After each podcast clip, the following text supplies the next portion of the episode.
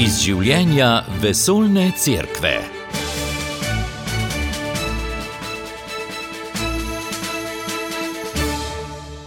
Lepo pozdravljeni v tokratni oddaji, v kateri se bomo ustavili ob današnjem svetovnem dnevu bolnikov. O papeževi poslanici se bomo pogovarjali z odgovornim za pastoralo zdravja pri slovenski škofovski konferenci Mirom Šlibarjem. Najprej pa še nekaj aktualnih novic iz življenja cerkve po svetu. Z vami sva Matjaš Mrljak in Marta Jerebič. Besedila obrazcev in ključnih sestavnih delov obreda zakramenta ni mogoče spreminjati. Če bi jih poljubno spremenili v imenu ustvarjalnosti, zakrament ni veljaven, poudarja dikasteri za nauk vere. Dokument o tem je objavil prejšnjo soboto, potrdil ga je tudi papež. Dokument je nastal zaradi vse več primerov zakramentov, za katere je bil dikasterij za nauk vere prisiljen ugotoviti, da so bili obhajani neveljavno. Predvsem se to nanaša na zakrament svetega krsta. Pred dvema letoma je naslovnice polnil primer iz ZDA. Duhovnik v zvezdni državi Arizona je kar dve desetletji pri krstih uporabljal besede: Mi te krstimo, namesto jaz te krstim v imenu očeta in sina in svetega duha. Neveljavne krste, ki jih je opravil nekaj tisoč, je bilo treba ponoviti. Prefekt dikasterija za nauk vere, kardinal Viktor Fernandez, pojasnjuje, da zakramenti ne pripadajo duhovnikom, ampak so jim samo zaupani, zato se je treba vedno držati predpisov. Za ustvarjalnost pa je dovolj prostora na drugih področjih pastoralnega delovanja. Dodatno pojasnjuje, da duhovniki pri nekaterih zakramentih uporabljajo določeno snov, naprimer vodo, kruh, vino, olja, ter določena znamenja, naprimer križ, maziljenje. Vse to ima temelj v svetem pismu, cerkvenem izročilu in uradnem cerkvenem nauku. Zato, tako kot besedilo obrazcev, tudi snov in geste ne morejo biti odvisne od volje posameznika ali posamezne skupnosti. Kar je torej zapisano v bogoslužnih knjigah, je treba zvesto upoštevati, ne da bi karkoli dodali, izpustili ali spremenili. Če spremenite besede ali ključni sestavni del obreda, zakramenta ni, še poudarja dokument.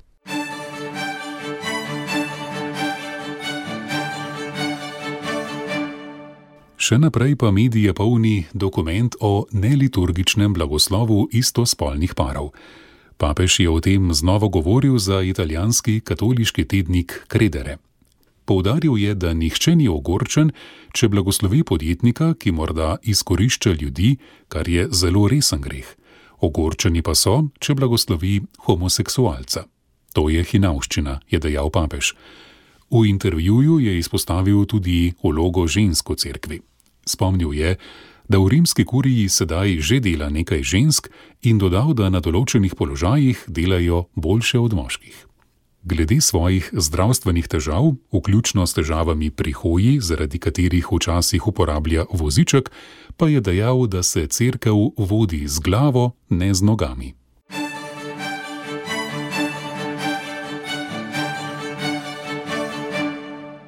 Svet devetih kardinalov, ki papežu svetuje pri reformi rimske kurije, je v ponedeljek in torek znova zasedal v Vatikanu. Na sejah je sodeloval tudi sveti oče. Prvi dan so namenili vlogi žensko cerkvi, o čemer so govorili že na srečanju decembra lani. Svoje poglede so predstavile tri ženske, Salezijanka ter profesorica kristologije in mariologije, sestra Linda Pošar, učiteljica in odgovorna za tečaje duhovnosti in duhovne vaje Đuliva Di Berardino iz reda posvečenih devic ter anglikanska škofinja Joe Bailey Wells. Drugi dan so bile na dnevnem redu različne aktualne teme.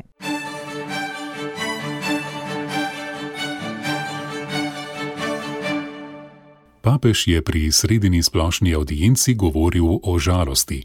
Po njegovih besedah obstaja prijateljska žalost, ki se z božjo voljo spremeni v veselje in nas vodi k odrešenju. Tega seveda ne smemo zavrniti in je del poti spreobrnenja. Moramo pa se boriti proti žalosti, ki je bolezen duše, nenehna stiska, ki preprečuje človeku, da bi občutil veselje v svojem obstoju. Ta žalost je običajno povezana z izkušnjo izgube. Papež je povdaril, da nekatera dolgotrajna žalovanja niso lastna življenju v duhu. Prav tako ni zdrava, še manj krščanska zagrenjenost, ki vodi osebo, da nenehno živi v stanju žrtve. V tem primeru žalost postane zahrbten demon. Zato se moramo vedno vprašati, za kakšno žalost gre in se odzvati glede na njeno naravo. Proti zlobnemu demonu žalosti se je treba boriti tako, da pomislimo na Jezusa, ki nam prinaša veselje ustajenja.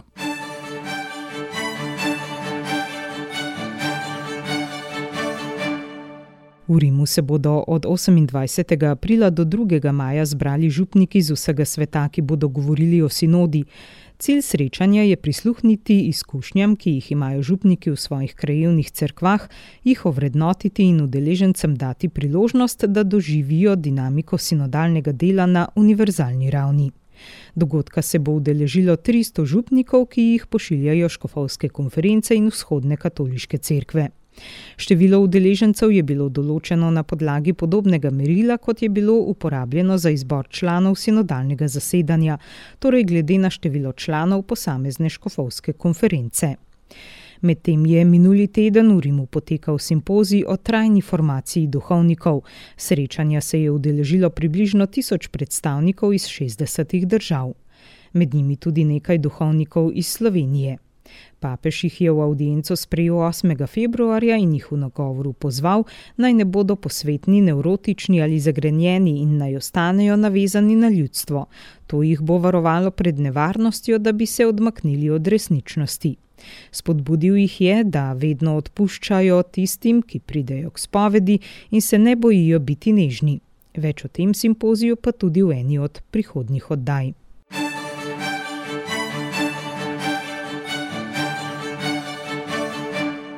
4. februarja je minilo pet let od podpisa dokumenta o človeškem bratstvu za svetovni mir in skupno sobivanje, ki sta ga v Abu Dhabiju leta 2019 podpisala papež in veliki imam Kajerske univerze Al-Azhar Ahmad Al-Tajeb.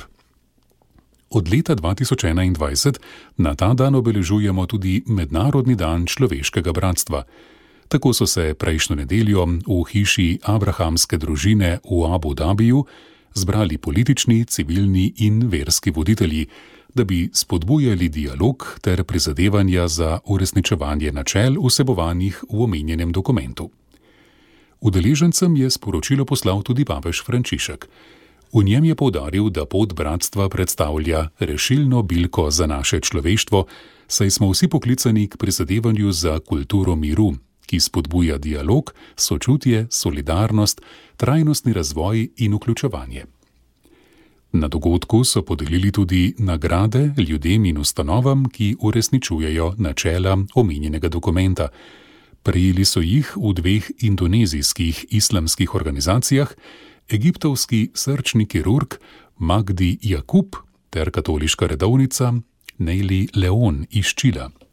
Slednja oskrbuje ženski zapor v Santiago de Chile. V svojem govoru na slovesnosti je dejala, da se je odločila postati sestra ženskam, ki jim je bila oduzeta prostost, da bi jih družba lahko videla in bratsko obravnavala. Omenila je tudi svoj odnos z zapornicami, s katerimi pogosto deli materinsko ljubezen, ki je nikoli niso poznale.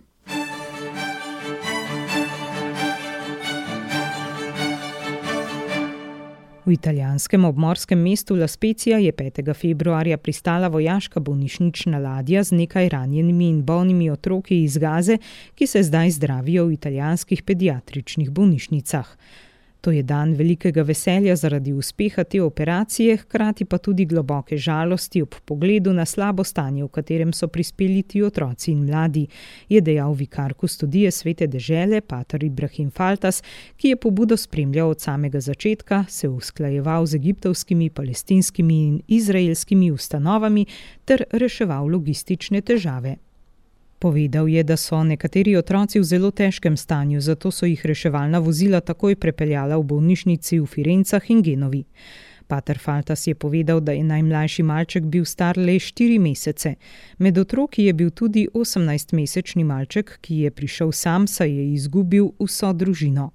Mnoge so potegnili iz ruševin njihovih domov. Prva skupina otrok iz Gaze je v Italijo prišla z letalom 29. januarja. Otroci so bili prepeljani v različne pediatrične bolnišnice po državi, med drugim tudi v Vatikansko bolnišnico Bambino Gesù.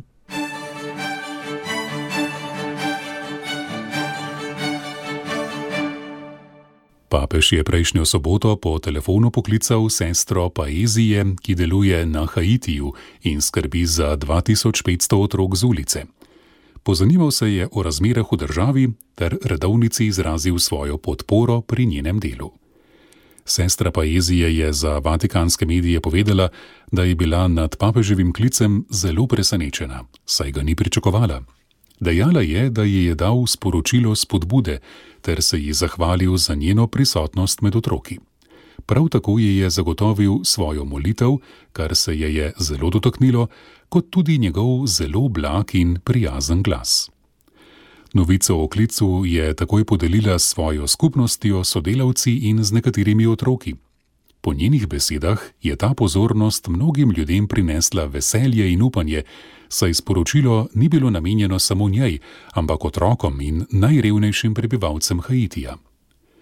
Na vprašanje, če se po ugrabitvi šestih redovnic prejšnji mesec počuti varno, ter zakaj so tarča tolp duhovniki in redovniki, kljub temu, da crkva stoji ob strani najbolj ranljivim, je sestra Paizije odgovorila, da se ugrabitve dogajajo na vseh ravneh družbe. Nekateri ljudje so lahko še posebej izpostavljeni, naprimer zelo bogati, ki jih ugrabijo v zameno za odkupnino, včasih pa ugrabijo tudi preproste mimoidoče, potnike v javnem prevozu, ljudi, ki niso posebej bogati. Težko je reči, kakšno je ozadje v primeru šestih redovnic osebno ni imela nikoli občutka, da bi bila crkva posebej tarča ugrabitev. Upali so, da bodo dobili odkupnino. Ob koncu pogovora pa je sestra Paezije odgovorila na vprašanje, kakšna bi bila prihodnost otrok z ulice, če za nje ne bi poskrbela crkva. Meni, da bi bili resnično prepuščeni samim sebi in revščini. Nedavno tega ji je nekaj mamic reklo: Sestra, če te ne bi bilo tukaj, bi bili mi vsi mrtvi. Meni, da so malo pretiravale, vendar pa tako mislijo in to izrazijo. Včasih se sprašuje, kako lahko ljudje več dni preživijo brez hrane in nimajo čisto ničesar. Gospod je prisoten, misli, da je to odgovor. On je tam za nje. Lahko je prisoten prek nje ali na kakšen drug način, tudi svojih otrok nikoli ne zapusti.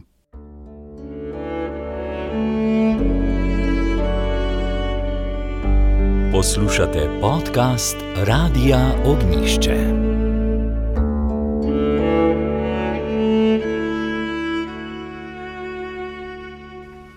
Na današnji god Lurške matere Božje obhajamo tudi Svetovni dan bolnikov, že 32. po vrsti. O tem se bomo pogovarjali z odgovornim za pastoralo zdravja pri slovenski škofovski konferenci, monsignorjem Mirom Šlibarjem. Dobrodošli v našem studiu. Dobar dan. Kot običajno papež napiše poslanico za Svetovni dan bolnikov, Frančišek jo je naslovil: Ni dobro za človeka, da je sam, zdraviti bolnega skrbjo za odnose, na katere osamljene v tem smislu še posebej opozori. Ob spominu Lurske Matere Božje in Svetovne dneve bolnikov najprej vse prisrčno pozdravljam, tako bolne kot vse, ki ste ob njih. Papež v letošnji poslanici omenja tiste, ki so se v času pandemije COVID-19 znašli sami.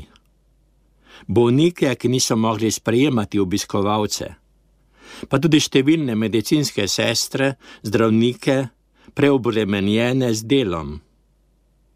Nadalje omenja škofe, zdravnike, diakone, duhovnike ki duhovno spremljajo bolne v bolnišnicah, domovih za starejše in doma. Papež omenja tudi politike, ki prevečkrat zanemarjajo, kot zapiše dobesedno, temeljno pravico do zdravja in dostopa do zdravstvenega varstva. Ob tem omenja tudi tiste, ki doživljajo, kot pravi, najhujšo družbeno bolezen, ki je navzoča v deželah, kjer je vojna. Kot omenjeno, papež pravi, ni dobro za človeka, da je sam. Kako pomembna je bližina bolnikom? Kaj o tem pravi papež in kakšne so vaše osebne izkušnje? Papež že v naslovu. Ni dobro, da je človek sam, hoče reči, da je zdravljenje tudi zdravljenje odnosov. In moje izkušnje, po katerih vprašujete, zelo me nagovorijo papeževe besede, ki jih dobesedno navajam. Prva oblika oskrbe, ki je potrebna pri vsaki bolezni, je sočutna in ljubeča bližina. Kristijani smo še posebej poklicani, da prevzamemo Jezusov pogled, poln sočutja. Poskrbimo za tiste, ki trpijo in so sami, tako papež. Zdaj pa še odgovarjam čisto osebno. V svojem skoraj 40-letnem spremljanju bolnikov mi je največje vodilo biti poleg. Pri tem se zavedam, kako pomembno je poslušanje in uživetje v bolnika, pa tudi v njihove svojce in zdravstvene delavce. Šele kasneje nadaljujem s primerno spodbudo, ki je pogosto jeclajoča beseda, saj so stiske pogosto zelo težke. Seveda pa je moje najpomembnejše v stiku z bolnikom obhajanje zakramentov, kot so spoved, obhajilo, bolniško maziljenje, kdaj pa tudi sveti krst in sveti zakon. Zadnje dvoje, seveda v smrtni nevarnosti. Papež v poslanici pravi: Vam, ki doživljate bolezen, pa naj bo prehodna ali kronična, bi rad rekel: Ne sramujte se svoje želje po bližini in nežnosti. Je ta sram pogost? Odgovarjam, da je. Žal se mnogi sramujejo želje po bližini in nežnosti. Če odgovarjam s papeževimi besedami, zakaj? Pogosto zato, ker mislijo, da so drugim v breme, kako je zapisal papež. Pomagati bolnim, da ne bodo čutili, da so drugim v breme, smo povabljeni še posebno v teh časih, ko se toliko govori o medicinskem zastrupljanju bolnih in starejših, o eutanaziji.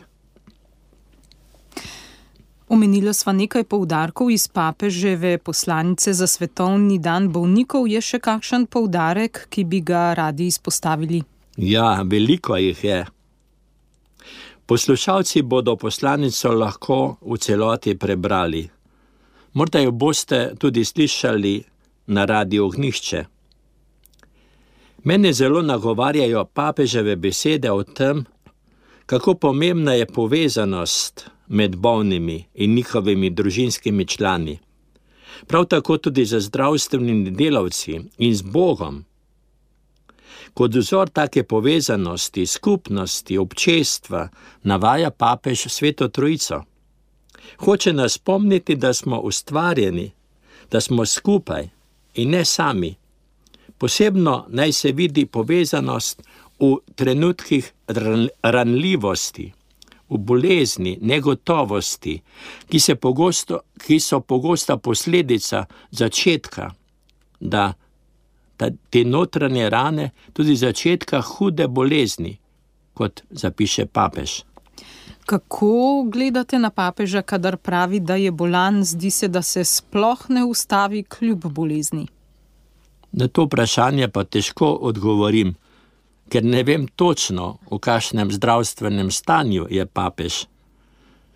In to potrjujem z dejstvom, da moram bolnika videti in mu biti blizu. Pa še takrat težko rečem, kako bo z njegovim zdravljenjem.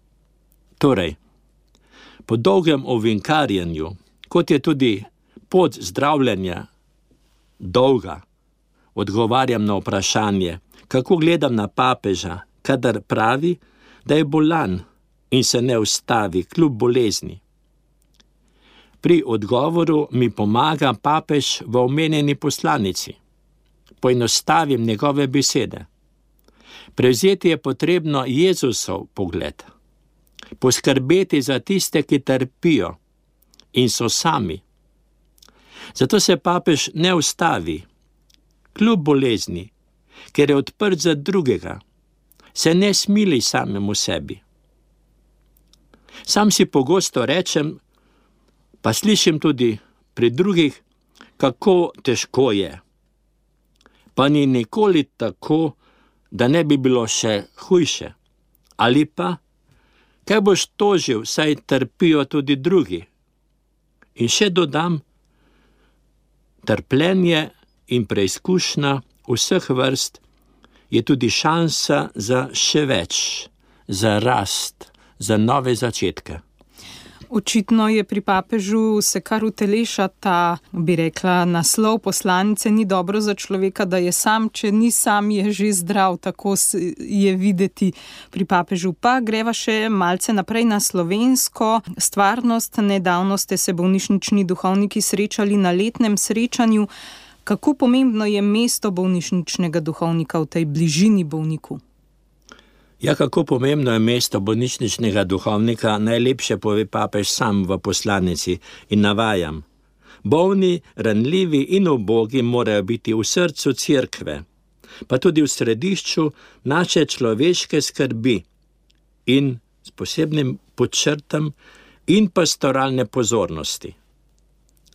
Sam, kakor tudi drugi bolnišnični duhovniki, ne nudimo pomoči samo bolnim, pač pa tudi njihovim svojcem in zdravstvenim osebju.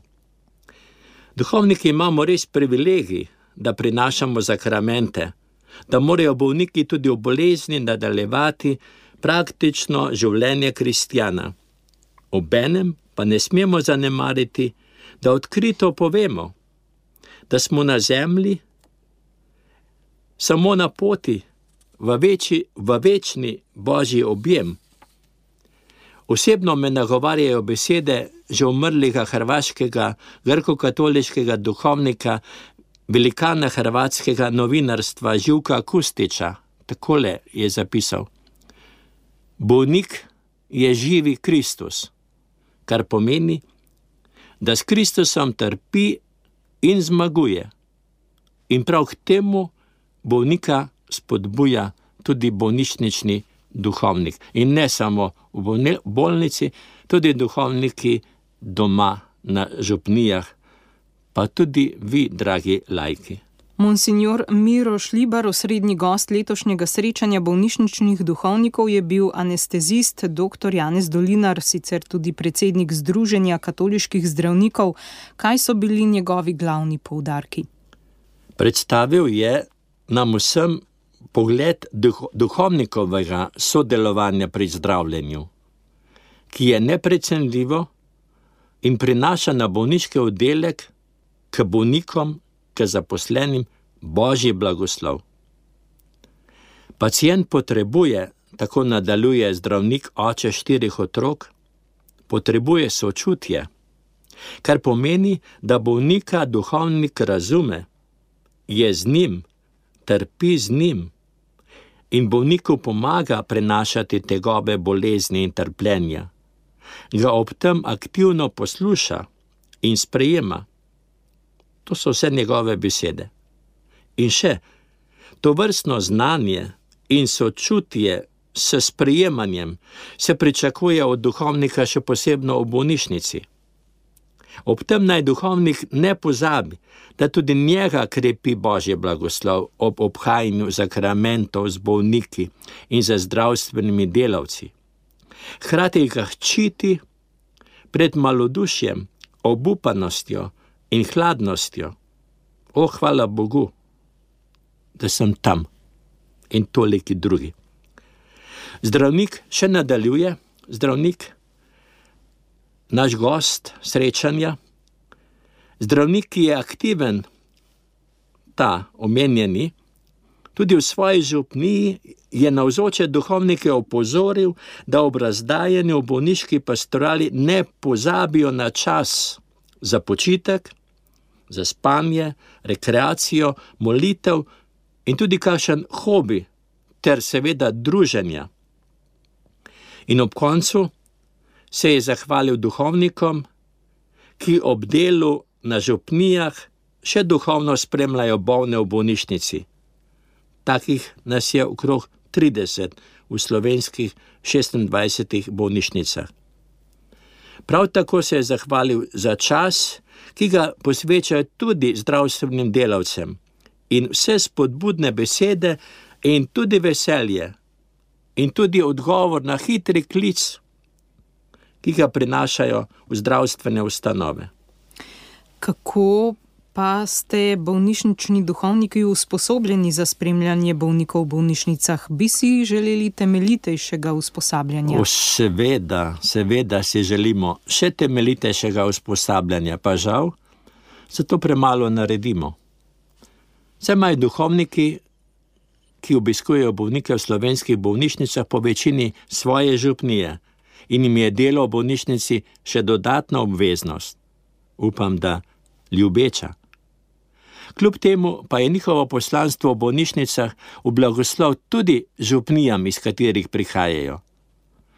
Nekaj malega pomenijo za naša usposabljanja vsakoletna srečanja bolnišničnih duhovnikov, ker se izmenjamo izkustva, težave, ki jih doživljamo, izmenjamo primerno literaturo in, kot sem že omenil, povabimo tudi gosta.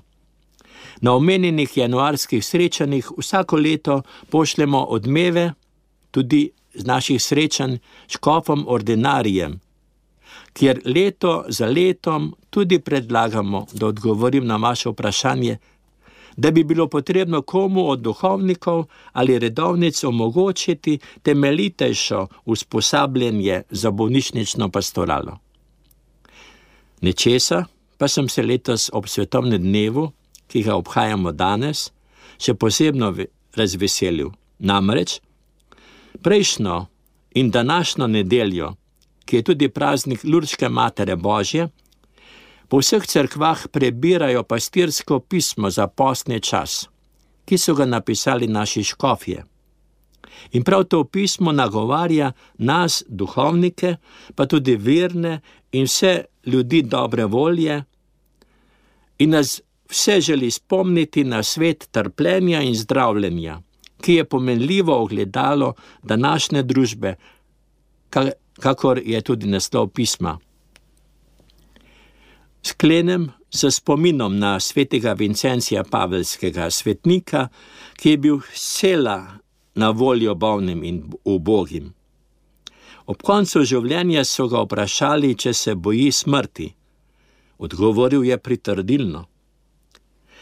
Na zastavljeno vprašanje, kaj bi pa moral storiti, da bi se ne bal smrti, in njegov odgovor je bil več, več bi moral narediti. To velja za nas, bolnišnične duhovnike, pa tudi za vse, ki želimo biti sočutni in blizu bolnim, kot je zapisal papež v poslanici.